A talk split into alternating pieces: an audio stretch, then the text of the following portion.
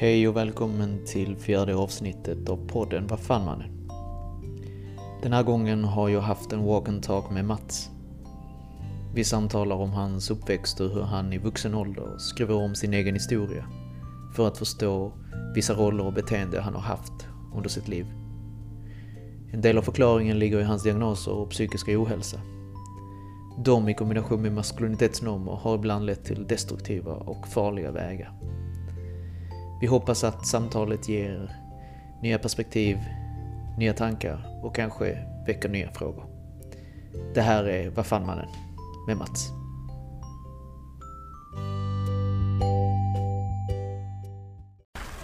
Tjena Mats!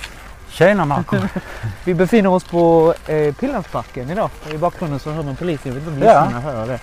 Men det är, det är en sån här typisk grej som man kan höra när man är ute i parken. Ambulansen och polisen kör. Och eh, en superfin dag idag. Ja. Det är supersoligt. Det känns Det är nästan nice. som att sommaren är på väg. Är det? Ja, den, eh, den kommer nog snart och, och försvinner lika snart igen kanske. Jag vet inte. Och du och jag träffades första gången för ett bra tag sedan. Är det inte så? Eh, det stämmer. Jag vet inte vad det kan ha varit. Kan det vara Ja. med sko- i samband med skolan? Alltså, det är det- där jo. jag har kopplingen till dig liksom. Och sen så har vi haft olika ingångar till varandra. Du tog bilder när jag var föreläste som jag använt i olika press, eh, eh. Eh, och sen har vi hållit kontakten. Absolut, så är det. Mm. Mm. Och du, du var ju på, på skolan där jag jobbar med sexvägledarna, eller vad heter Ja, det? ja, så heter Mm. det. Just det. Och pratade, just det, det stämmer. Vi pratade sex och samlevnad. Mm.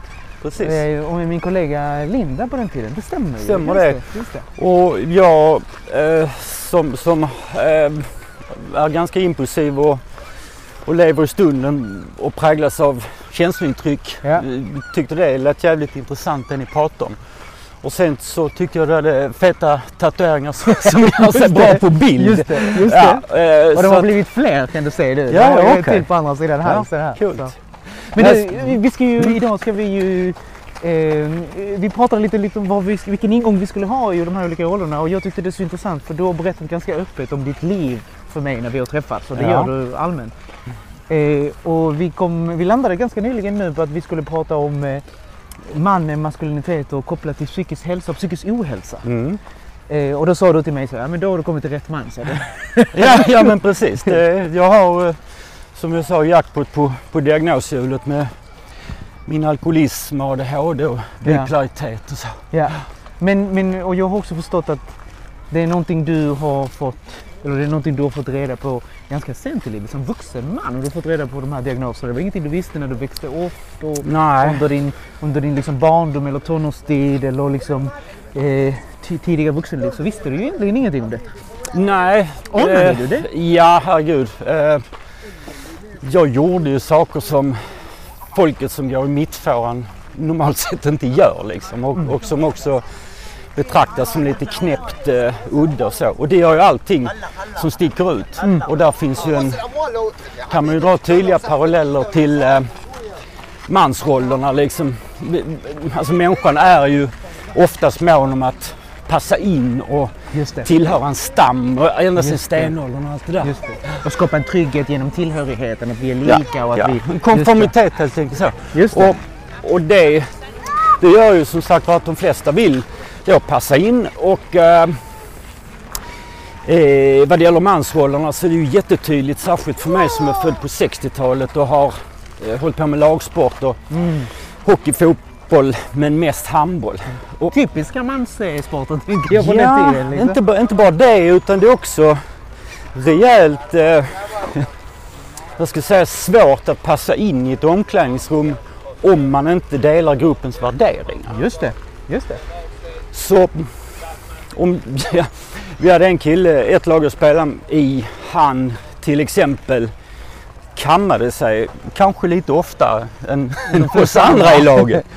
Och då blev det lite så att det blev legitimt att, att tracka honom lite för det. Just det. Var han lite för fåfäng? Enligt, Jag tycker inte det. Idag så hade ju folk uppfattat honom generellt som en slusk liksom. Vad fan Just tar det. du inte hand om det här med Just det, själv? just det.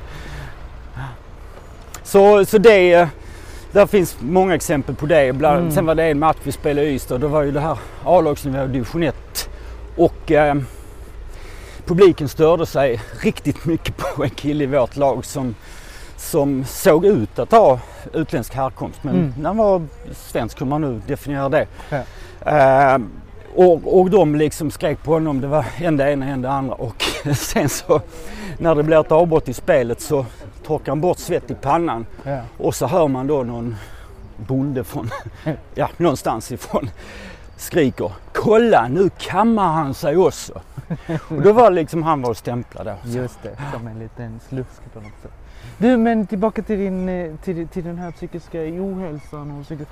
Hur har du under ditt liv liksom hanterat eh, svårigheter i livet som har blivit destruktiva? Om man börjar med det destruktiva, för jag misstänker att det finns konstruktiva och positiva saker. Men vi tar det destruktiva först. På Ja. vilket sätt har du hanterat liksom, livets motgångar? Alltså, det, det är ju svårt om man, om man har de här diagnoserna eftersom de mycket handlar om en kombo av brist på filter eh, och ett väldigt, inte- ja, mer eller mindre svajigt mående. Ibland Mm.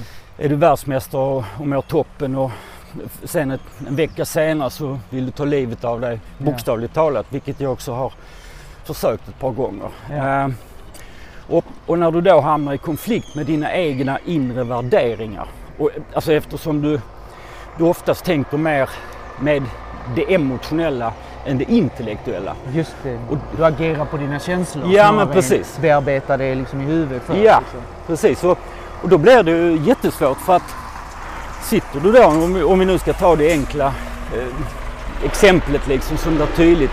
Sitter du i ett omklädningsrum som jag var 16 år när jag började träna och spela med A-laget. Sitter du där liksom med män, stora skägg och mer än dubbelt så gamla som, som dig själv. Då är det inte så jävla lätt att sträcka upp handen när det här, den här kvinnoförnedrande jargongen till exempel kommer igång. Du, Mm. Det blir jättesvårt. Just det.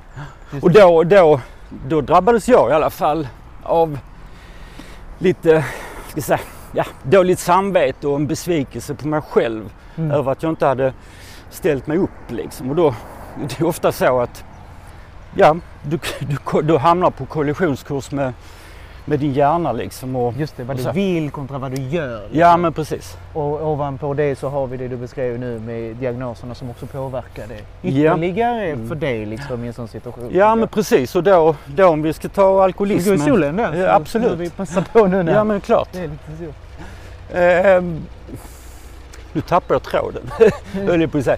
Men jo, just det ja. Eh, och, och det här eh, psykiska, ibland temporära och ibland lite längre perioder av dåligt psykiskt mående så, så, så blir det jobbigt för att det väcker tankar liksom. Varför jag är så, varför jag är si. Och då, då blir det svårt att stänga av för att jag har ingen sån här eh, volymratt som, man, som stegvis höjs och sänks Just utan jag har en knapp och antingen är den av eller på. Liksom. Just det, on eller off liksom. Och när det väl är on så är det on. Ja och då, Ja. det som händer då det är ju, det är jättevanligt att, eh, att jag, att en istället för man, en Mm.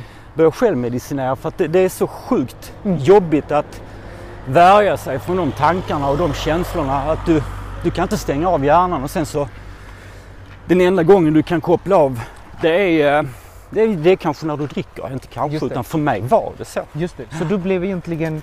Du kände dig, det kändes bättre i livet av att liksom när du drack? Rätt, eh, ja, alltså, eller rättare sagt, det kändes inte alls, vilket var Just jävligt skönt. Just För att jag behöver det. Alla människor behöver pausa från, från sina tankar och känslor. Ja, vi behöver stressa ner. Vissa Ja, sticker till precis. skogen och jag är en sån som tycker om att gå och träna. Då pausar liksom Ja. tankarna för då är ju fokus i det jag gör. Liksom bara. Så, att, Så i ditt fall så blev alkoholen och så. Minns du när det började? Minns du när det liksom, var det liksom tidig? Eller var det liksom... eh, För menar alkohol är ju så vanligt. Jag tänker det är så super, super vanligt att vi dricker som vuxna alkohol. Mm. Jag läste någon statistik någonting om att det är liksom eh, att det är åtta av tio svenskar som eh, dricker alkohol liksom, Mm. till, till vardags. Så, Till Mm. maten, till middag och så. Men det är ju en liten procent som får problem med det. Ja, Liksom för, 20% lite och lite. 10 procent har jag sett flera gånger siffror på så. Så att eh, Så att det, Det- finns ju en grupp som, eh, som det blir destruktivt för liksom, och du är en av de att du tillhör den gruppen tänker jag. som du blev. Men- Men, men minns ålder? När, när startade det för dig? Ja, alltså jag har ju idrotten att tacka för. Mm. Eller jag vet inte för att det hade kanske varit bättre om det blommade ut tidigare. Det. Men det går ju inte att, att kröka liksom om du tränar fyra pass i veckan, spelar en, två matcher. Det, och det, förväntas, och det förväntas att du ska prestera. Och Ja du ska, precis, ganska hård. Handboll är en ganska hård fysisk sport och Mm. det är skador och så här. Jag menar då måste du ändå fokusera på din rehab och så. Ja. Så jag spelade ju fram till jag var 37 i, Mm. i division 2 och division 1. Det Och, ju ganska länge. ja, för länge skulle jag vilja säga. Jag la av två gånger. Sen så, Så kom du tillbaka, du ja, comebacks. ja men precis och sen så Mm. även det kopplat till mina diagnoser och mitt Ja. psykiska mående. Första gången var det en klubb som hörde av sig och jag blev smickrad liksom för jag saknade det där liksom att öppna tidningen och läsa mitt namn. Och det Just har ju också med bekräftelsebehovet att göra som, som man helt klart kan koppla till diagnosen. Ja. Så att det, var lite så, lite därför. Men när jag slutade spela då 37 då började jag känna liksom att, att jag drack för mycket och för Mm. ofta. Just det, du Så. märkte att frekvensen var lite för mycket än eh, bara helge ibland. liksom. Ja men precis. Så, eh, Och också vilken anledning du drack tänker jag också. ja, eh, det, och det var ju så mycket, så, så många och så starka känslor. För att min pappa var alkoholist eh, ända in i döden och av den sorten som eh, vistades i, knar, alltså, som man sa då, knarkarkvartar och Så ganska utslagen. Ja, liksom. verkligen. Och, och bodde på härbärge de sista åren och så. Mm. så att, och då sa jag till mig själv att nej, men jag ska aldrig bli som pappa. Liksom. Mm. Alltså jag såg det på nära håll och led av det och så. Mm. Och det, det är också ett, ett kvitto på att beroendesjukdomen är en extremt stark kraft och också den kopplad till känslor. Alltså. Ja. Det är ju så. så, att, så Just är- även om du bestämde dig för att inte bli som pappa så hittade du ändå en väg dit. Ja men alltså Ja. det, det går inte att värja sig. Det är ungefär Ja. som, alltså jag vet inte vad jag ska jämföra med. Om, om, om du mot all förmodan skulle lägga handen på en spis som är jävligt varm. Alltså Ja. då, då väljer du inte att eh, rycka bort handen, det bara händer liksom. Just det. just så, det. så sen så kanske den är lite väl grovhuggen. Men, men Ja. lite så i alla fall. Ja, känslan i alla fall. Ja. Och men hur har det mer då nu när du liksom, för när fick du reda, när fick du din diagnos hur gammal var du? Hur långt upp i, liksom, i vuxenlivet fick du din diagnos? Ja, alltså ADHD förstod jag ju ganska, alltså, ganska tidigt. Mm. Men fick, alltså jag hade inget behov, trodde jag, av att få den bekräftad via eh, en utredning så. Utan Mm. jag, ja fan jag har ju klarat mig bra här. Ja. Säger han som blev alkis för att gömma sig från sina känslor. Men eh, sen så när jag blev nykter så då började liksom, precis som jag har pratat om, då började liksom min historierevision och skriva om min, mina memoarer höll jag på att säga. Och Ja, radera lite, lägga till lite och så. just det. Eh. Vill jag tänka att det blir ju en ny förståelse av vem du var och vad du gjorde när du väl får reda på de här diagnoserna, eller? Ja men precis och, och jag fattar ju lyckligtvis att för att kunna leva vidare med kvalitet så, så kan jag inte vara så naiv att jag tror att ah, men slutar jag dricka så blir jag lycklig och får ett fantastiskt liv. Mm. Utan det är ju mer komplext än så. Ja. Och då började jag dra i, i det som hade med min personlighet att göra- med, med mitt beteende. Varför gjorde jag si, varför gjorde jag så? Mm. Bå- både i nutid och när jag var 16 liksom var jag i Österrike och åkte skidor. Eller Mm. rättare sagt mina kompisar som eh, skulle iväg och åka skidor eh, frågade om jag skulle hänga med. Och, eh, jag hade aldrig åkt skidor för. Mm. Men det, det är som Pippi sa, det, det där har jag aldrig provat för så det, Mm, det är jag säkert bra på. Exakt. Ja, ja. Så jag åker ju ner utan att ens ha stått på ett par skidor. Ehm, Modigt. ja, som den, eller jävligt korkat. ja, beror på perspektiv där. Precis. Så, eh, så jag tänkte då att det, ska, det är inte så svårt. Eller rätt sagt, igen, diagnoserna är kopplade till det här beslutet jag tog. Just det. Att, hade jag tänkt lite.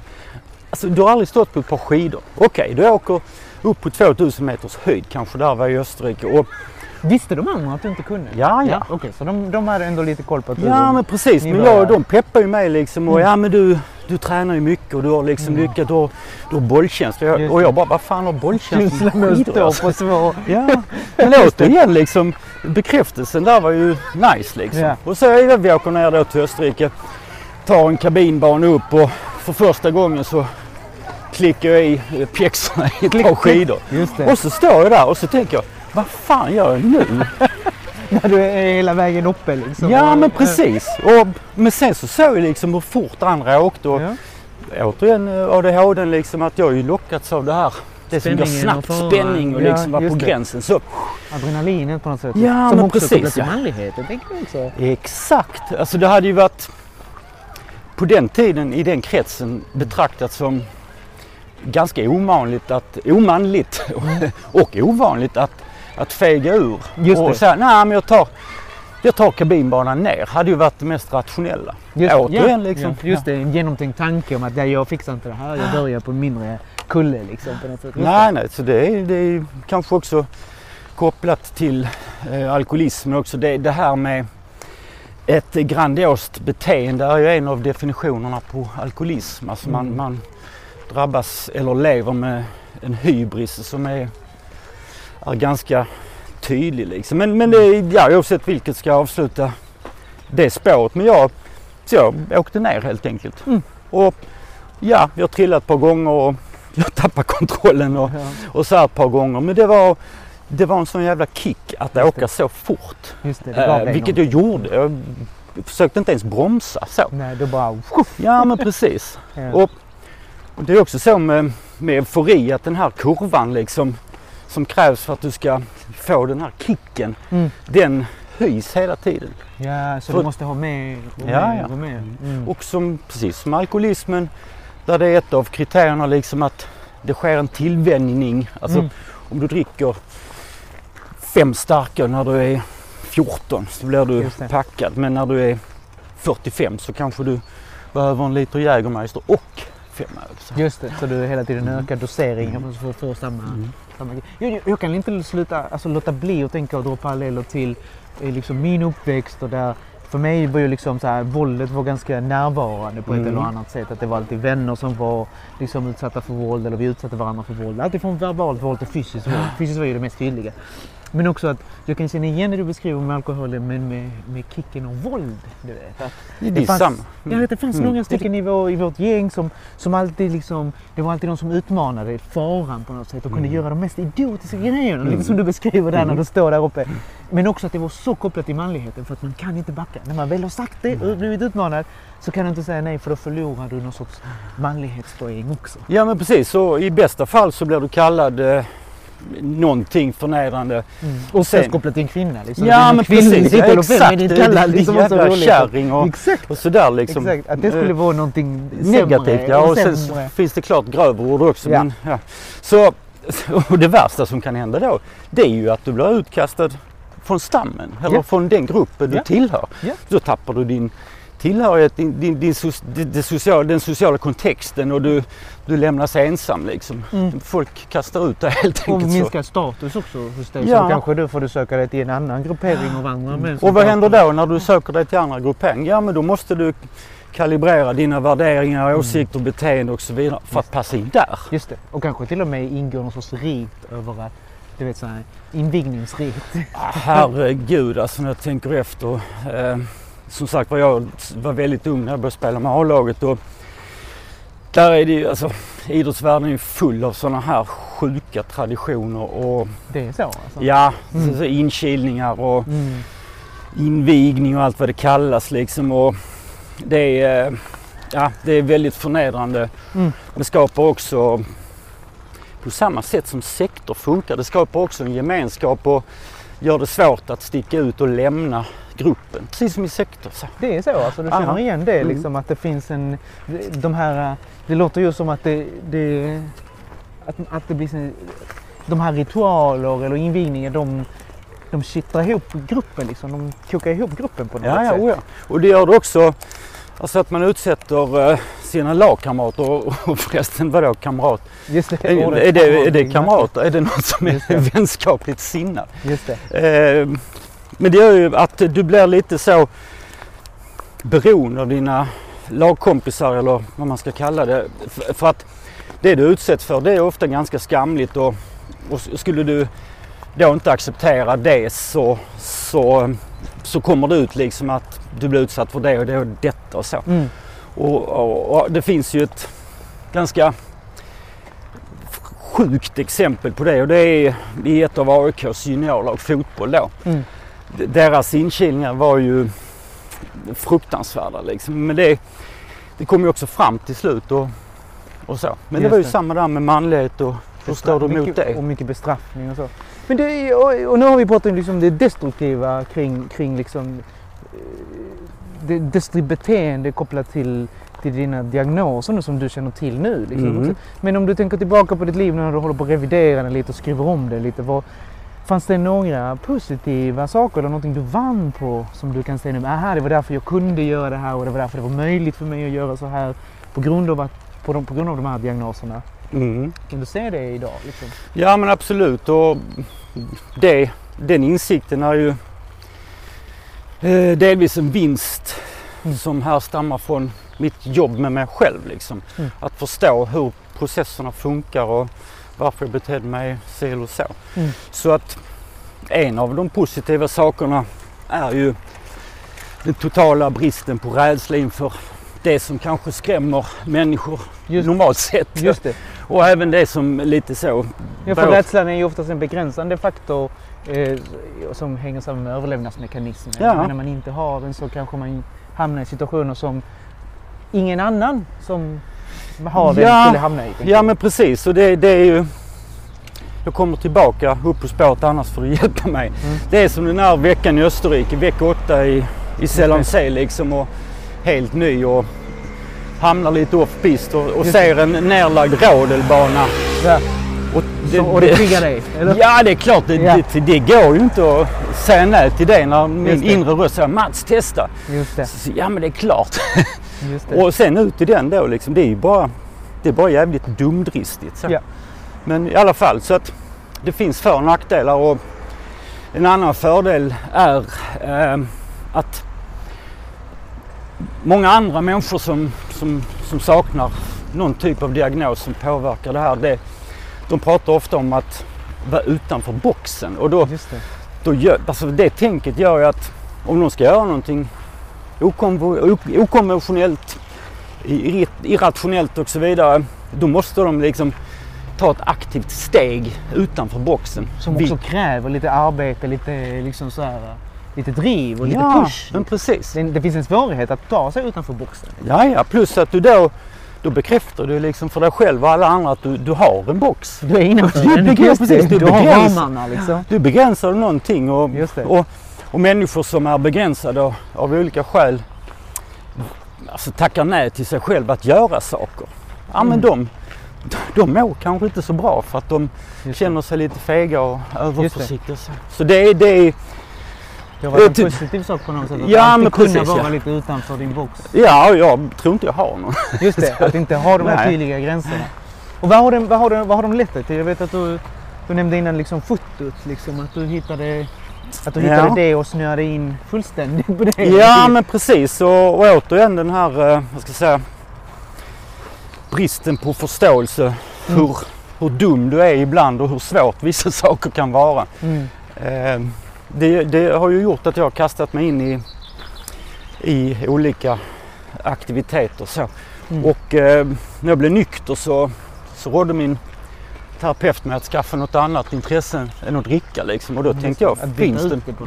Ja men precis, Mm. då tänkte jag liksom, finns det något annat kan man säga. Just det. Vad kan slå det här? Ja Liksom. men precis. Så att 2010 så fick jag en eh, systemkamera av väldigt enkel sort. Och, Mm. Och jag började läsa bruksanvisningen som man bör om man Mm. är vuxen. Eh, och, och upptäckte liksom att det, det var inte min grej. Jag fick liksom jag, jag som hade behövt anpassade studier under skolgången som inte fick det. Mm. Alltså det, det funkar inte på mig. Nej. Sen började jag läsa fotobloggar, fick ännu mer ont i magen, började kolla tutorials på Youtube och blev bara liksom förbannad på Just det. och så. Så att jag bestämde mig för att ja, men jag får lära mig kameran helt enkelt. Du, du hamnade utanför boxen igen, eller den som du inte har. Du Ja, har, men du precis, hittade ja. ditt sätt att göra det på. Och det, det är också en sån grej att det upptäckte jag sen att när jag reflekterade över det att Alltså jag vet ju hur det funkar men en, nog fan skulle jag ändå på det här traditionella konventionella. Läsa bruksanvisningen, kolla bloggar, Youtube och så. Eh, men å andra sidan det, det sättet att lära sig fotografera, att lära sig på det sättet, det är ganska tidskrävande och jobbigt och där är, där är ju liksom bara 24 timmar på dygnet. Och så. Men där kommer ju, där spelar ju bipolariteten in lite tror jag, eller ganska mycket kanske. Mm. För att jag kan ju hamna i någon slags semimani eller uttalad mani och, Ja. och verkligen så.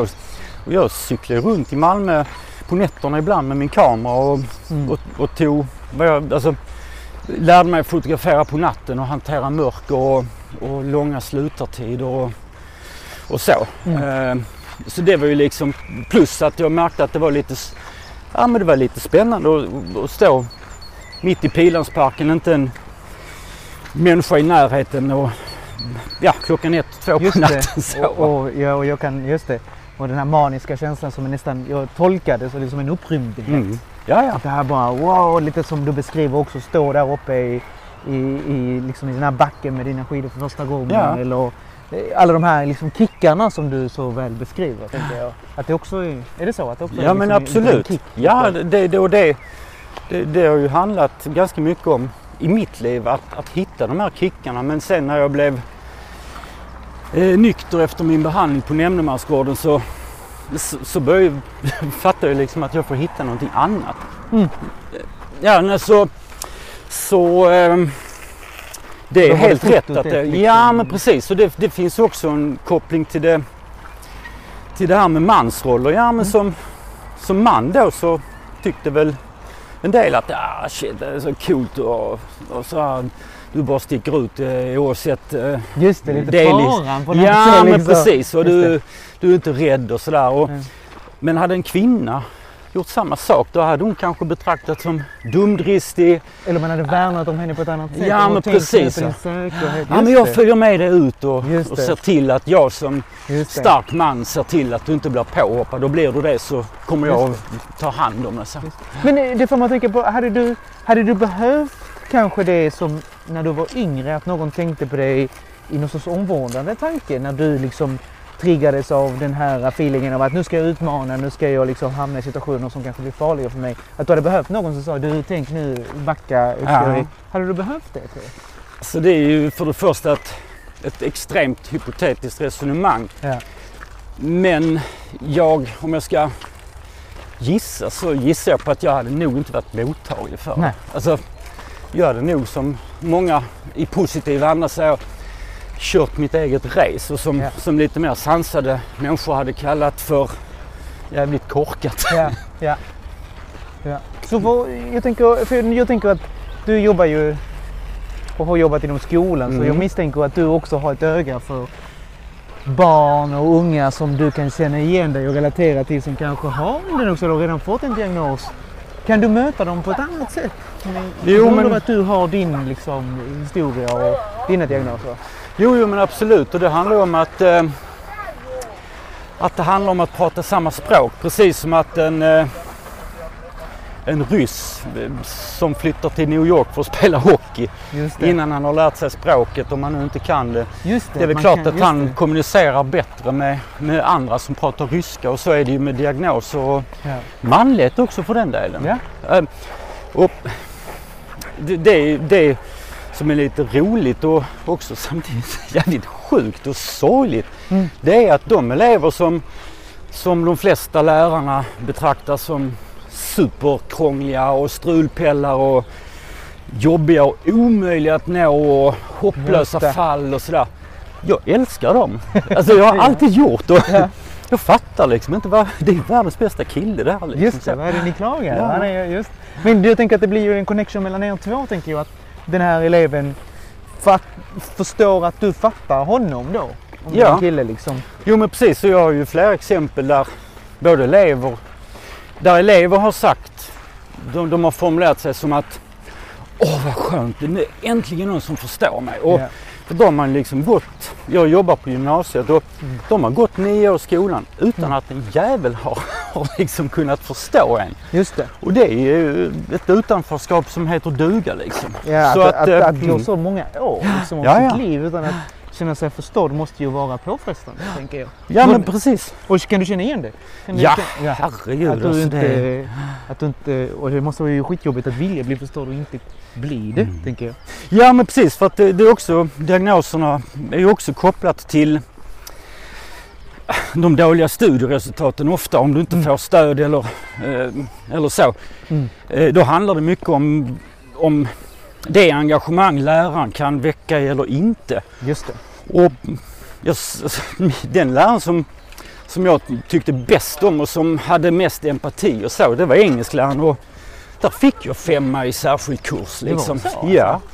Så där kan du se en direkt koppling att lärarens engagemang och relation också på hjälpte dig att kunna prestera. ja, men precis. Så han, han var fullständigt fördomsfri och, och liksom bara var, han var mot mig som han var mot alla andra och Mm. då, då, då, liksom, då blev jag betraktad som, som mig själv som individ och inte som någon som stack ut på ett negativt sätt. Just det, den här jobbiga ungen och den som ingen fattar eller den st- strulpellen som du pratade om innan. Liksom. Ja men precis, och det är ju det är likadant med, med manligheten och mansrollen att eh, om du till exempel inte delar en grupps värderingar vad det gäller kvinnosynen Mm. och, och det är jättesvårt att, att inte haka på det. Mm. Eh, möter du någon som, som känner att, att du har andra värderingar än, än de flesta i gruppen och du får lite stöd för det, ja men då blir det också lättare att, att, att ta sig därifrån på något Just sätt. det. Just det, det blir någon sorts utväg eller en möjlighet till någonting annat. Ett Ja. till någonting annat. Så. Nu har vi ju en massa människor som lyssnar eh, på när vi går här och pratar och går. Eh, och jag tänker liksom, om det är någon som känner igen sig då i det du beskriver. Att, ah, tänk om jag också har en diagnos. Jag känner igen min berättelse. Jag också fastnar. För det behöver inte vara alkohol. Det kan ju vara någonting annat. Mm. Det kanske, på ett sätt är det ju eh, enklare kanske att hitta sin diagnos om det är en destruktiv handling som man ägnar sig åt. Jag tänker Ja. droger Mm. eller jag tänker att jag arbetade med personer som köpte sex och kan också känna igen Mm. det du beskriver där. Men när det är ett beteende som i samhället anses vara positivt. Jobb exempelvis. Ja. Man kan fastna på samma kick som jobb. Ja. Vad, skulle du, vad, vad vill du säga till dem de lyssnar och oroar sig? Liksom så, vad, är, vad är första steget att ta om man undrar Fan, är det en diagnos jag har? Vad skulle vara en bra väg att gå? Ja, eh, då blev det för lång väg för min hjärna. Men kan du koka ner den till någonting så kortare? Ja, men folk som vill ha råd. Och, Ja, om, du, om någon liksom lyssnar nu och vill ha tips på ah, shit, tänk om jag också har en diagnos, en, en vuxen man. Vad ska han göra? Alltså, ofta så är det skamliga någonting man uppenbart vill dölja, Mm. vilket nästan ligger i ordets natur. Att du, du, skäms helt enkelt för att du har, du eh, har ADHD eller är bipolär eller du är eh, alkis eller knarkare. Så. Just det, allt det där är fula. Ja men precis och, och, och en av anledningarna till att man skäms inför andra men även inför sig själv det är att om man saknar kunskapen så betraktar man det som en karaktärsdefekt. Just det. Men det är fan ingen som säger till en diabetiker att Alltså Du vilken jävla, alltså du- vilken dålig karaktär du har som har diabetes. Det Just gör det. man liksom inte. Just det. Eh, och, så att det, det är mitt Mm. absolut eh, hetaste tips nummer ett, två, tre, fyra, fem. Att vara öppen. Ja. För du kommer att bli förvånad över hur väl det tas emot. Mm. Du, det kommer att, du kommer att betraktas som modig, stark, eh, en förebild och så vidare. Mm. Och, så, så det är liksom nummer ett. Var öppen, våga prata om det. Just det. Att Så- vara öppen med det du vet om dig själv eller det du känner eller dina, ja, dina beteenden. och det ligger ju också i, i tolvstegs- tolvstegsprogrammets liksom grundpelare att, eh, att vara ärlig. Mm. Eh, Just det. hjälp, eh, alltså be om hjälp att, eh, att förändra det du kan och, Mm. och acceptera det du inte kan förändra. Och sen så behöver du hjälp med att förstå skillnaden mellan vad du kan förändra och inte. Just det. Var din, var din förmåga ligger någonstans. Ja. Liksom att kunna förändra vad du behöver hjälp med att förändra. Tänker jag. Ja, men det låter som väldigt fina tips till, till om någon lyssnar och känner att det finns en, en be- begynnande oro eller om man själv vet att man har en diagnos och tycker att det är jobbigt att leva med. Mm. Jag tänker också på att det har ju förändrats.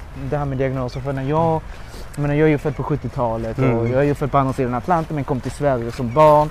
Men varken där på andra sidan Atlanten då eller här i Sverige, jag som barn, hade överhuvudtaget hört talas om diagnoser. Nej. Alltså det var liksom på, det, på psykiatrisk nivå man pratade om det. Då var det liksom folk som var på psykiatri. Mm. ja, Alltså, och så dårhus och "Fan, vad spändes galet." fast i sängarna och Exakt. fick elchocker. och. Exakt. Ordet diagnos och psykisk sjukdom var ju kopplat till någon som var... Det var kört för dem. Ja. Det var Mm. kört. Men idag är det ju inte så. Idag fattar vi ju att, att det är vanligare än vad vi pratar om, vad vi förstår. Du och jag, innan vi Mm. började spela in så, så pratade vi lite om det och jag sa det till dig så fan det måste ju finnas historiska personer som vi idag hyllar för deras verk. Alltifrån litteratur, film och idrott. Som måste ha haft diagnoser för att kunna klara av Mm. de sakerna de gjorde. Lite det du är inne på, det här med utanför boxen-grejen. Eh, att, de är, att de har lyckats göra saker som de inte har, andra hade klarat av. Mm. Eh, och sen så har vi de som har destruktiva liv. Liksom. Mm. Eh, Och så finns det de som har både och. Liksom. Det är Just ju det, många just det. artister, musiker, andra estetiskt lagda människor som har eh, levt väldigt destruktiva liv. Ja, ja för det, jag, kommer ihåg en sån historia jag läste om Beethoven.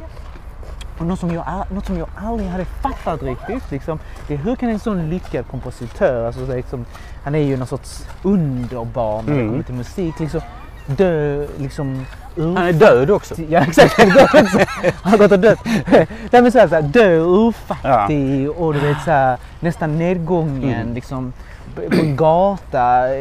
Alltså för mig var det så svårt att fatta men, men med den kunskapen jag har idag och jag fattar liksom, ah, är det kanske det här det har handlat om?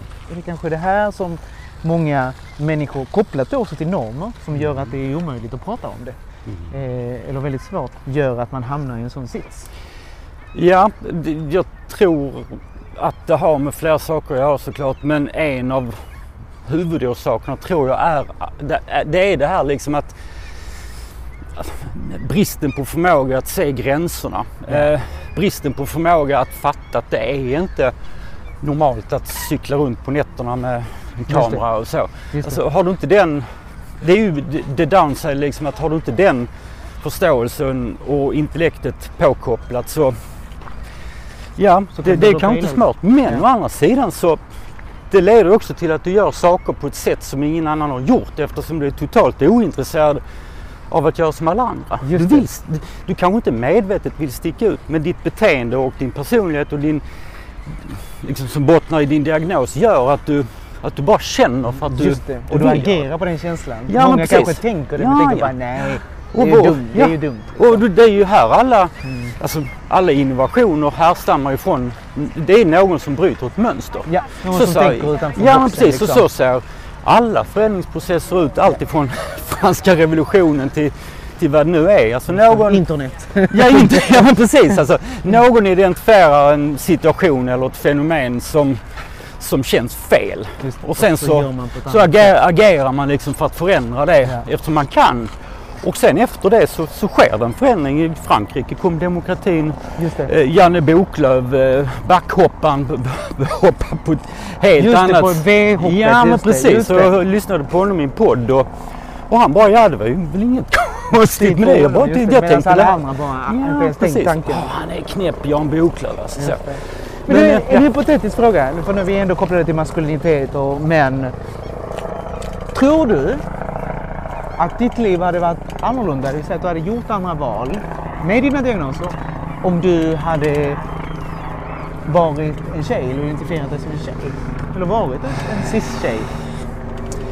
Ja, det, det tror jag nog för att rent generellt sett så, så tror jag att det är vanligare att tjejer betraktas som knäppa slash avvikande på ett negativt sätt Ja. när de gör saker för att de inte har någon box. Ja. Medan du som man betraktas som modig, stark, eh, ba, ba, ba, allt det där liksom. Att många av de här sakerna som du gjorde impulsmässigt eh, ansågs aldrig egentligen vara några negativa saker för att en man dricker och det är inget konstigt att han blir full på den där festen och det är inget konstigt att han inte bangar ifrån att åka neråt du, att du inte bröt benet från den där liksom backen när du aldrig hade åkt skidor. Ja. Alltså det är ju väldigt eh, häftigt. Du blir Ja, ju den här precis, woho Mm. mannen liksom. Men det, det finns en annan koppling, tror jag, till, till det här med kvinnorollen och mansrollen. Att, eh, att, att, att som kvinna är det ju svårare eftersom du har blivit uppfostrad till att ofta, ja du vill kanske vara en duktig flicka och du, allt det där liksom att Mm. du ska bete dig på ett lite försiktigt sätt och du ska backa. Förväntningarna som finns på dig på grund av ditt kön. liksom. Ja men precis, och ju, ju längre ifrån det du vill göra du är desto svårare blir det såklart. Är, är tröskeln högre så blir det ju svårare. Mm. Är du längre ifrån gränsen så, så blir det jobbigare. Liksom. Ja. ja, det kan jag förstå. Och eh, tiden rinner ut. Alltså, Ja. Pratar vi och gått runt här och i den här parken och mött en massa glada människor här på vägen. Ja, ska vi köra ett varv till? i- Nej, ska vi det blir del två kanske? Exakt, det kanske blir en del två. Men eh, vi har pratat i 40 minuter och till er som lyssnar som vanligt så vill vi gärna höra en reaktion på den här eh, liksom, episoden och, avsnittet. Och, eh, hör av er eh, via sociala medier eller om ni hittar mig på andra kanaler. Och har ni frågor till Mats så får de gärna höra av sig via mig. Absolut. Och det var en sak som jag missade här nu Ja. men kom på. Det, det är att i och med att jag har, har varit så öppen med mina diagnoser och så vidare så, så har jag blivit kontaktad av, alltså jag vet inte hur många människor som, som skriver till mig och säger Mm. ah, min fru hon, har, hon dricker lite för mycket och min kusins eh, svägerska hon har, blir lite full lite för Mm. ofta. Så pratar man oftast om sig själv. Just det. Att ingången är, handlar egentligen Ja om men sig precis. själv. Ja. Men sen så finns det ju de också som öppet ber om hjälp via mig och det är en fantastisk känsla att få det förtroendet. Senast i helgen så var det en kille som skrev till mig och en före detta relativt känd fotbollsspelare som, eh, som frågade mig om jag kunde liksom så. Eh, Och den här Mm. killen, på tal om mansroller, eh, han liksom den här klassiska fotbollsspelaren, jävligt kaxig attityd, Just det. duktig på sin sport, det. stark, snabb och så. Svårt att hitta svagheter. Ja det, men så- precis. Han skriver så ödmjukt och fint och skickar ett, eh, ett hjärta och sådär. Mm. Mats kan du? Ba, ba, ba. Ja, så. Så att det är det. Och sen så har jag ju genom min fotografering som mestadels har handlat om Malmö FF som jag följer. Mm. Eh, så har jag fått en del följare på Instagram. Jag vet inte om det är 4000 någonting sånt. Just det, ja. Ja, och där kan man skriva till mig. Ja men det är jättebra. Ja. Jag kan ju tagga dig på episoden också. Så Ja. på avsnittet Ja, så men kan precis. folk eh, följa dig och kontakta dig om de vill. Och det där liksom skriv till mig där. Mats Linde på Instagram och, och inga frågor är för dumma utan bara en som mina tråkiga gamla lärare sa. Det är den enda fråga, frågan som är, är konstig. Det, det är den du inte ställer. Just Liksom. det. Så att, Den dumma Ja. frågan är den du aldrig ställer. Exakt. Ja, det var ett fint avsnitt. Tusen tack Mats ja, tack för att själv jag fick ta den här Ja, tiden. Ha det fint. detsamma. Tack.